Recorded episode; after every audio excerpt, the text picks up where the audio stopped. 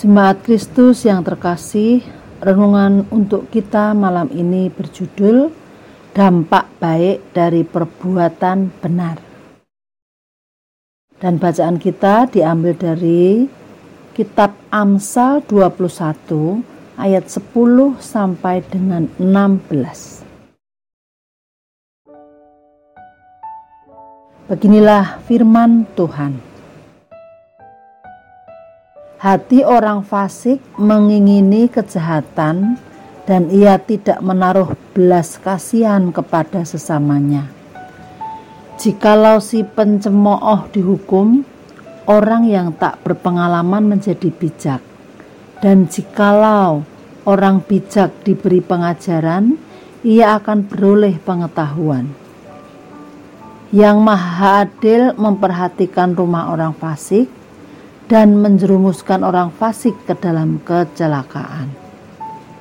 Siapa menutup telinganya bagi jeritan orang lemah, tidak akan menerima jawaban kalau ia sendiri berseru-seru.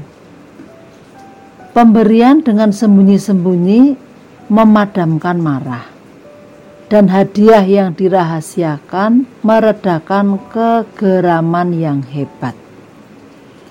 Melakukan keadilan adalah kesukaan bagi orang benar, tetapi menakutkan orang yang berbuat jahat. Orang yang menyimpang dari jalan akal budi akan berhenti di tempat arwah-arwah berkumpul.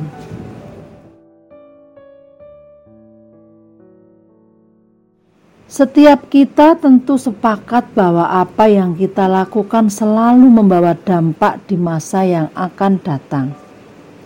Baik dampak tersebut tertuju kepada kita secara langsung ataupun kepada orang-orang di sekitar kita. Yang tertulis dalam bacaan kita hari ini sedikit banyak berbicara pada konsekuensi-konsekuensi yang bisa kita alami dari apa yang kita lakukan. Hanya saja kita memiliki hati yang keras. Sudah tahu konsekuensi yang akan dihadap yang akan dihadapi namun tak bergeming sama sekali dengan hal tersebut. Dan di akhir justru menyalahkan banyak orang di sekitar kita karena merasa tak mendapatkan pertolongan yang layak. Kita diberi akal budi oleh Tuhan agar kita mampu untuk menimbang segala sesuatu dengan tepat, sehingga apa yang kita kerjakan merupakan buah dari daya pikir dan perhitungan yang kita miliki. Untuk itu, mari kita renungkan seberapa banyak hal yang sudah kita kerjakan merupakan hasil dari pergumulan dan pertimbangan yang matang bersama dengan Tuhan? Ataukah kita hanya mem membabi buta dalam memutuskan segala sesuatu, bergantung dengan suasana hati atau kepentingan sesaat belaka? Hanya kita dan Tuhan yang mengetahui apa saja yang sudah kita kerjakan. Semoga kita dapat selalu mempertanggungjawabkan apa yang sudah kita mulai. Kalaupun tidak, marilah memohon ampun dan pertolongan dari Tuhan. Mari secara bertahap membaharui hidup kita dengan mengerjakan apa yang benar di hadapan Tuhan.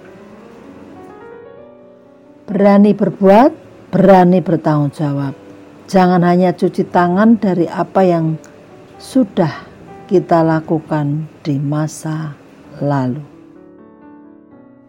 Demikianlah renungan malam ini. Semoga damai sejahtera dari Tuhan Yesus Kristus tetap memenuhi hati dan pikiran kita.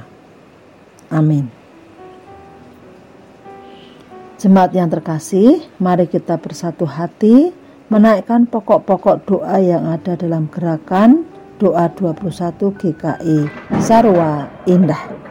Mari berdoa.